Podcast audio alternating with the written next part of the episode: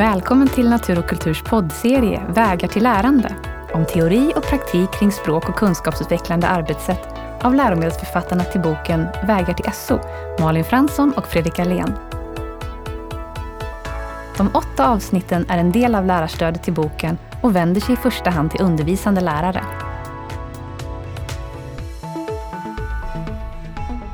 Avsnitt 8. Varför måste man reflektera över sitt lärande? Ja, men hej Malin! Hallå! Hej och välkommen till det åttonde avsnittet. Jag tror det är det sista också. Ja, det här är ju det avslutande eh, avsnittet och då är det väl på sin plats att man reflekterar lite över vad vi har åstadkommit här. Så då frågar jag dig Malin, vad, vad har du tagit med dig från att spela in de här åtta avsnitten? Ehm, det jag tar med mig allra mest är att det blev så uppenbart vad jag kände att jag landade i för att jag behövde prata fritt om saker. Eh, så att ju, ja, men jag blev ganska trygg i att ja, men jag, jag vet lite om olika teorier och modeller för jag kan ganska fritt prata om det.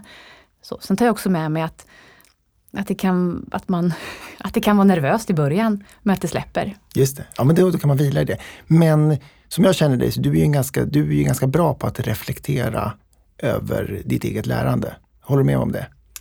Jag kan hålla med om att jag har blivit bra på det på äldre dagar. Men nästa fråga då, är du lika bra på att reflektera i olika, liksom, i olika sammanhang? Jag vet ju att du gillar till exempel ut och springa i skogen och sånt där. Och så har du någon gång sagt att du gillar hushållsarbete. eh, ja, eller både nej, både ja och nej. Jag tror att jag är mindre eh, benägen att vilja göra i olika sammanhang för att det blir jobbigare i vissa sammanhang. Och då eh, apropå jobbigt ska jag säga så att jag, när, jag, när jag förberedde mig inför det här avsnittet så, så av någon märklig anledning så började jag tänka på bantning. Mm. Eh, och att jag, min, jag är ju uppväxt eh, oerhört mycket bantning. I min familj, så, det, så som jag liksom är fostrad, så är det så att vi, vi, väldigt mycket handlar om mat. Eh, och vi har ju pratat om mat här på podden, men, men det är väldigt mycket handlar om mat. Man kan alltid äta saker. Och eh, eh, det har också då blivit så att i vår familj så har det bantats väldigt mycket.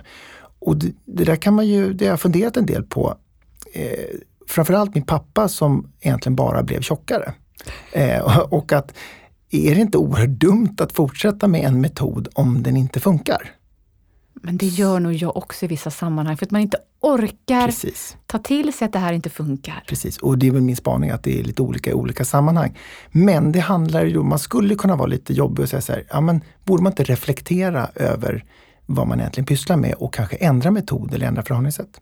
Eh, men nu så ska jag säga det sista innan jag släpper in det och säga så här, spaningen då, som jag testar på dig, det är att om man vill lära sig något, om man vill bli framgångsrik, så verkar det som att reflektion över den här lärprocessen är oerhört central. Håller du med om det?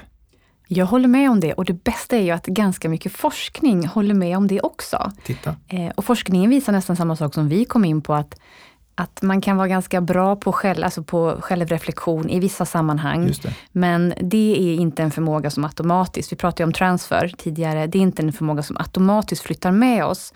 Men jag tror nog även att ju mer van jag blir att reflektera, desto lättare blir det för mig att flytta med mig även den förmågan. Tror jag ändå, jag eller vill tro på. Nej, men vi ska ju prata lite om att landa i kunskap och så. Och jag kan ärligt känna att, eller erkänna att jag är en lärare som ganska ofta vill köra på med nästa moment. Jag känner så. Otåligt. Otålig, står boxen. Ja, lite så. Och jag har så mycket roliga grejer och nu, jag gillar väldigt mycket de här in i saker, alltså introövningar eller första samtal eller så. Eh, så att jag längtar så efter det. Så att när vi väl är liksom klara, har kanske gjort en avslutande uppgift av något slag, då vill jag ganska ofta fort in på nästa. Mm. Nästa bok eller vad det nu är för någonting. Eh, men jag vet ju att det är viktigt att landa. Mm. Och det tycker jag är snyggt att i vår bok har vi lite lagt in det så man verkligen måste göra det. Eh, så att det här med att reflektera, det kan man göra på massa olika nivåer. Ja, det är man spännande att höra lite konkreta exempel. Ja, men en, när man pratar om att eleverna ska självreflektera, då är man ju ute efter att de ska se sitt lärande. John Hattie pratar om synligt lärande, att de ska bli medvetna om sitt lärande och man säger att det är en nyckelstrategi, säger Dylan William också, eh, så att man kan äga sitt lärande. Så därför så vet vi att det är viktigt. Och om man tänker att man då ska reflektera så Det kan ske på så många nivåer som sagt var. Det mm. kan vara på en uppgiftsnivå. Vad har, jag, har jag förstått den här uppgiften? Mm. Jag hade en lärarstudent nu några veckor och hon gjorde en väldigt snygg, jättekort meta-reflektion med eleverna. Mm. De höll på med en tidnings, eh, skrev nyhetsartiklar och då inledde hon en lektion med att de skulle skriva ner vad är utmanande och till och med svårt med den här uppgiften. Mm. Och de var 13 år och skrev så fantastiskt kloka saker. De kunde verkligen se vad de tyckte var utmanande. Några skrev att det handlar om att hitta rätt språk. Vadå, som presenterade en uppgift, att det här är uppgiften, men innan vi bör arbeta med Nej, vi var i full gång. De ah. var i ah. full gång och skrev nyhetsartiklar. Ah, som en så här, stanna upp mm. i uppgiften mm. och reflektera kring hur lär du dig just nu? Och vad var hennes syfte med det? Får fråga det? Det var att medvetandegöra dem om sitt lärande. Just det. Att så här, hur lär du dig? Vad tycker du är svårt? För metakognition handlar ganska mycket om att förstå vad man inte förstår. Just det. Så att hon ville lite, och sen så kunde hon också använda svaren för att lyfta upp i undervisningen att hon kanske såg att många hade sagt att det känns svårt med eh, eh, intervjuerna i artikeln hade många sagt. Det känns svårt med att välja bild, hade några valt. Mm. Det känns svårt med hur man gör ingressen och så. Eh, och då kunde hon fånga upp det också sen. Just det, och det kan, då kan läraren fånga upp det och kanske anpassa. Men i bästa fall, tänker då kan väl också eleven, när man får nys om vad som är svårt, då kan man ju kanske använda andra strategier. Eller hur? Jag tror att det, det ibland kändes det som att bara de hade skrivit av sig, ja, så var det som att de förstod att ja, men nu tar jag tag i det här. Ja, det. det. är lite det som reflektion handlar om också. att jag tänker och på något sätt så får jag någon slags inre motor att ta tag i min svårighet eller min utmaning eller vad det är för någonting. Det. Men det var reflektion på uppgiftsnivå. Eh, om man tänker i vår bok så kanske vi har haft frågor som att förklara orsakerna för en kamrat, det vill säga landa i uppgiften lite. Kan du artikulera det du har lärt dig? Kan du säga det högt? Sen kan man tänka att det är på en processnivå eh, och då finns det ju massa olika modeller. Man kan använda VÖL-schema. Eh, det står för Vad är det? vet, eh, önskar veta och lärt. Att de kan se processen i sitt lärande. Vad visste jag innan? Mm. Vad kommer jag vilja veta? Och sen på slutet, vad har jag lärt mig? Eh, det är på processnivå. Sen kan man tänka att det är på en metakognitiv nivå. Och den tror jag är mest utmanande att ta sig an. Det handlar lite om att vad har jag inte förstått eller vilka delar i undervisningen har underlättat för mitt lärande? Har det varit bilderna, hur vi jobbar med centrala begrepp? Mm. Var det studiebesöket? Alltså hur lär jag? Mm. Att man tänker kring det. Det där är väldigt kul. En parentes, för jättemånga år sedan, nu går min dotter i högstadiet, men när hon gick i ettan, jag tror att det var ettan eller var i tvåan, jag skulle, vi skulle gå till någon sån läkarkontroll så jag skulle hämta henne i skolan. Och så kom jag in i klassrummet och så var det knäpptyst och så satt alla elever typ enskilt och gjorde någonting. Och så smög jag fram till henne och så viskade jag sådär, vad, vad, vad, vad gör ni för någonting? Vi reflekterar. Oh. Det tycker jag är ganska gulligt. Ja, men och det är väl det som också, att meta eller som reflektion, det ska man också fostras i och då mm. behöver man göra det från ja, förskoleklass. Ja. ja, verkligen. Och sen tror jag att det är inte så att yngre barn inte kan tänka kring sitt lärande. Det handlar bara om att ställa rätt frågor. Ja, och då kan vi komma in på lite dåliga exempel. Nu ska vi inte säga det, men jag har några dåliga exempel också på eh, reflektion kan man säga, eller någon slags utvärderingsreflektion. Jag besöker ganska många klassrum i min roll som eh, lärare på lärarutbildningen och då är det mycket tummar efter lektionerna. Eh, tumme upp. Tumme upp, tumme mittemellan, tumme ner. Och tanken är god, man vill få eleverna att stanna upp, tänka kring lektionen. Men ganska ofta hör jag frågor som, vad tyckte du om lektionen? Mm. Och så har det gått 60 minuter och de är sju år gamla. Och då kommer tummar i lite olika varianter. Eh, Men frågan är vad ska man göra med den ja, informationen? Vad ska man göra med den informationen? Och då finns det en del som tänker så här, en del låter det bara vara så. Och då vet man ju ingenting som lärare, jag fick mm. massa tummar bara. Men ibland så frågar man ju eleverna så här, ah, varför du visade tummen ner? Och då blir det spännande, för då kan man höra så här, jag var jättehungrig. Eller mm. någon tog min penna eller vad det kan vara. Och mm. då är det också så här, var det det du ville veta som lärare? Mm. Ville du egentligen inte veta kring lärandet? Så att de här tummarna, man måste nog veta vilken fråga ställer jag? Vad vill jag veta? Och det gäller all mm. reflektion. Vad vill jag att eleven ska reflektera kring? Men är inte det också ett misstag? Ställer jag frågan till dig, jag vet inte vad du tycker, men ett misstag är att visst, man kan be sina elever att reflektera, men om man ska fördjupa kunskapen så behöver man ju, det måste finnas en mottagare för reflektionen och att man faktiskt gör någonting med den. Alltså kanske i det här fallet att ställa, ställa en följdfråga. Mm. Eh, vad säger du om det? Ja, och, de, och reflektionen måste vara ganska styrd mm. till vad jag ska liksom, tänka kring. För att det, din dotter kanske bara reflekterar, men förmodligen hade hon fått någonting att reflektera en, ett, kring. Ja, de hade ett antal frågor vill jag minnas. Mm. För det behövs ju också. Eh, och om man får pra kanske tänka själv först, men även här prata med mm. någon efter. För då kan ju även ens reflektion växa. Jag måste bara säga, jag har ett sånt roligt... Det finns ju många utvärderingar i vårt samhälle nu. Jag vet inte om du har tänkt på så här glada gubbar. När ja, man sitter på bussen kan man trycka, så här, vad tyckte du om din bussresa? Och så ska man trycka. Ja. Eh, och det är samma sak där. Eller jag har varit hos frisören, då fick man så efteråt utvärdera ett frisörbesök. Eh, och då också så här, vad för information får du nu och okay. hur tillförlitlig blir den? Jag var med min son på en känd elektronikkedja och då, när han, då fick han köpa sin stol som han hade efterlängtat och sparat till. Ja. Och när han gick ut ur butiken så skulle han klicka på om han var nöjd med sin upplevelse av butiken. Ja. Och då klickade han ju superglad gubbe. Ja. Men det hade ingenting med butiken att göra, Nej. ingenting med personalen att göra. ingenting, det handlade bara om att han får köpa det han ville köpa.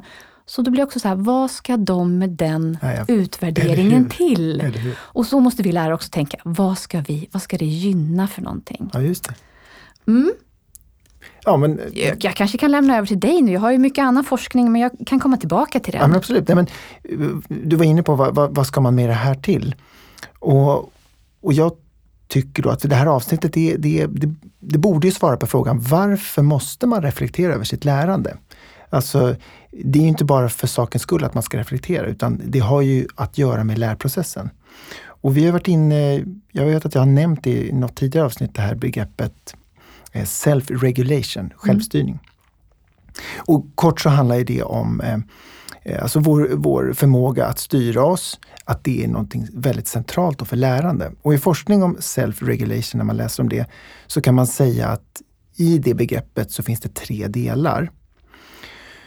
Och det är att, liksom att under tiden som vi lär oss någonting och jobbar med någonting så ska vi liksom kunna övervaka lärprocessen. Alltså vår förmåga att övervaka eh, vad, som, vad vi engagerar oss med just nu. Vår, att vi ska utvärdera och att vi också ska kontrollera. Mm. Och det handlar ju om att vi under resans gång ska kunna tänka sig, nej men den här strategin jag använder just nu, den är nog inte så effektiv. Jag behöver nog byta sätt. Det här att bara läsa all text först, är det, det tar för lång tid och det verkar, jag verkar somna. Så att det ska jag nog inte fortsätta med. Det. Men det tror jag är en utmaning för många elever, att byta ja, inlärningsstrategi. Ja. Men, men det är det vi ska utveckla eh, i, under tiden i skolan. Då. Och det är väl kanske därför som vi, som du var inne på, vi behöver träna det här. Vi behöver träna det här redan tidigt. Då. Eh, så eh, jag försöker sammanfatta det här i då att vill man bli framgångsrik så behöver man börja göra det här. Och mm, för mig som lärare så kan man tänka så här, vill man bli framgångsrik som lärare så måste jag få mina elever att göra det här. Att börja övervaka och utvärdera och kontrollera sitt lärande. Och inför avsnittet så, så försökte jag grotta ner mig i det här med reflektion och självbedömning och då snubblade jag över eh, Dunning-Kruger-effekten.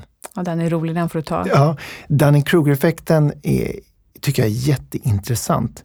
Eh, 1995 så, så hörde David Dunning, en av de här personerna bakom Dunning-Kruger-effekten, han hörde talas om en rånare, MacArthur Wheeler, som hade stolpat in på en bank, det låter gammaldags, stolpat in på en bank utan mask jag minns inte om han hade vapen, men han hade rånat den här banken och tagit massa pengar och sen hade han såklart blivit filmad eh, av någon massa övervakningskameror som sitter i banken.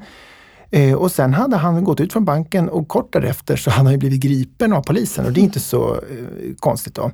Och det var ju väldigt bra, rättvisa skipades. Men då hade den här rånaren blivit väldigt förvånad hur polisen kunde fånga honom. För han hade då citat, jag hade ju osynlighetsbläck i ansiktet. Eh, och tydligen hade då MacArthur Wheeler, han hade läst någonstans att man kunde liksom skriva med citronsaft eller någonting. Du vet det här som man Ja, citronsaft. Och sen, Nej, han hade flyttat sin kunskap från ett område till ett annat och det precis. funkar inte. Det funkade inte, så han trodde att om jag smetar in facet med citronsaft så kommer inte kamerorna att kunna se vem jag är. Och när, när David Dunning, en av forskarna, hörde det, tyckte det var ju fruktansvärt knäppt tänkt. Eh, men kanske att det ligger någonting i det här, så han ville forska. Så han slog sig i slag med en, en, en man som heter eh, Justin Kruger och de började göra en serie experiment. Och då Dunning-Kruger-effekten, det handlar om att eh, vi är ganska dåliga på att bedöma vår kompetens. Och eftersom det här är någonting väldigt viktigt för, vår, för vårt lärande så, så är det spännande att säga så, vad var det de kom fram till? Och det de kunde se i, sin, i sina studier då, det var att inkompetenta, det låter ju taskigt, men inkompetenta personer, alltså människor som inte har kommit så långt inom en, inom en domän, de överskattar sin förmåga. Och i, med experimenten så fick de göra en massa tester och prover och sånt. Och sen fick de, skatt, fick de frågor som var i princip så här, ja hur tror du att du presterade i relation till alla andra som gjorde det här testet? Och de skattade sig själva jättehögt. Eh, och sen kunde man också se att de som, var jätte, de som lyckades väldigt bra, de som alltså var kompetenta, de underskattade eh, sin egen prestation i relation till andra. Det vill säga, de tyckte att det var så enkelt eh, att klara av de här eh, frågorna. Så då tänkte de så här, eftersom det var så enkelt för mig så var det säkert enkelt för andra också. Mm. Så ett av så resultaten var så att har man inte kompetens så är risken att man överskattar sin, sin förmåga väldigt, och det var det man kunde se. Och eftersom det då är viktigt eh, för att kunna, om vi, tänk, om vi då tar fasta på att för att vi ska lära oss effektivt så är vår förmåga att göra korrekta självbedömningar i syfte att säga, nej men det här funkar inte, jag kan inte plugga på det här sättet, jag måste hitta en ny strategi. Det blir liksom lite viktigt. Och också att identifiera, vad har jag inte förstått? Har jag liksom förstått vad det var som gjorde, eller konsekvenser av franska revolutionen när jag läste. Hur, har, jag, har jag verkligen alla bitar på plats? Eller tänker jag bara så här, nu har jag alla bitar på plats. Mm. Eller hur? Men det här med självbedömningsförmåga, den är också viktig hos lärare. Eh, Bandura, som en annan forskare, nämner också just lärarfokuset här. Att, att en lärare som liksom har en god självbedömningsförmåga, vågar ta utmaningar, mm. vågar chansa lite ibland och vet också att magplask, misslyckanden, ja, är en del i utvecklandet. Ja. Och kan hantera dem på ett konstruktivt sätt och tänka att okej, okay, nu blev det magplask här. Vad berodde det på? Ja, Vad ska jag ändra till nästa gång? Och då finns det också lärare som gör tvärtom, där mm. och gör slutsatsen, ja, dåliga elever som jag varit inne på. Ja, det var dåliga elever, därför misslyckades det. Som mm. alltså inte har en god ja, självbedömarförmåga. Ja, men då är inne på, kul att du säger det, för idag har jag faktiskt lyssnat på, på två stycken damer som var väldigt besjälade med programmering och programmering i skolan också. Och de beskrev just att eh, den här programmeringsvärlden, den som är lite annorlunda än skolvärlden, är så att där, där liksom, att göra misstag man ska göra 50% misstag. Därför att det handlar om att våga och att när vi ska lösa problem så måste vi våga, vi måste testa och vi måste samarbeta och se om vi kan hitta något sätt som det kan funka. Och då är, som de beskrev det, så att, att inte misslyckas det innebär att vi inte har vågat testa. Så det, det är, ett helt, det är en helt annan eh, approach. Men avslutningsvis med Dunning-Kruger-effekten, det som det de kommer fram till på något sätt, det är att det här att bedöma sin kunskap, det är någonting som man kan träna på i skolan, säger de. Och vi ska ta fasta på att de som kan saker och ting, de gör ofta så att säga, bättre estimeringar av hur, hur man ligger till. Så det är liksom en, en ja, det är klart att vi vill att alla ska lära sig, men, men man måste bli kompetent inom ett område för att kunna förstå. Det är, det är den här floskeln att här, ju mer jag lär mig desto, desto mm. mer förstår jag vad jag inte kan. Mm. Ungefär så. Men ska man komma liksom långt så, så är det kunskapen som behövs. Så det här ska man liksom träna, säger de då. Sen kan inte jag låta bli liksom ur, ur mitt specialpedagogiska perspektiv och det det som jag var lite inne på, det här med bantning och sådana saker. Att det är också så att vi är ju olika. Vi beter oss ju olika i olika situationer. Och då kommer man tillbaka till det här med motivation och mening. Att det är klart att man så här, i vissa, det man tycker är kul och är intresserad av, där söker man en helt annan typ av återkoppling. Mm. Där är man mycket mer benägen att liksom förändra sitt sätt att göra. Men är man liksom omotiverad och tycker att det är meningslöst så kanske man inte förmår göra det. Ja, och där tror jag det är viktigt att eleverna känner att det är meningsfullt att reflektera. För om vi tänker att vi, gjort en av, alltså vi är klara med ett kapitel och då ska man reflektera. Och så om eleven då känner att ah, men det är ändå kört. Mm. Jag har ändå fått dåligt betyg eller vad det är. Mm. Nu har jag gjort ett magplask. Och inte har en känsla av att vänta, jag kommer kunna reflektera nu och göra om och göra bättre. Och då, så det här kommer liksom inte vara kört. Körtläget är väldigt tråkigt om eleven känner att jag får inte göra ett enda misslyckande. Då blir ju självreflektionen meningslös för eleven på något sätt. Eller hur? Ah, men nu då? Nu är vi i mål. Eller hur? Ja, men jag får säga tack Malin. Tack själv. Det har varit intressant och givande. Härligt. Ha det så bra. Du med. Hej då. Hej.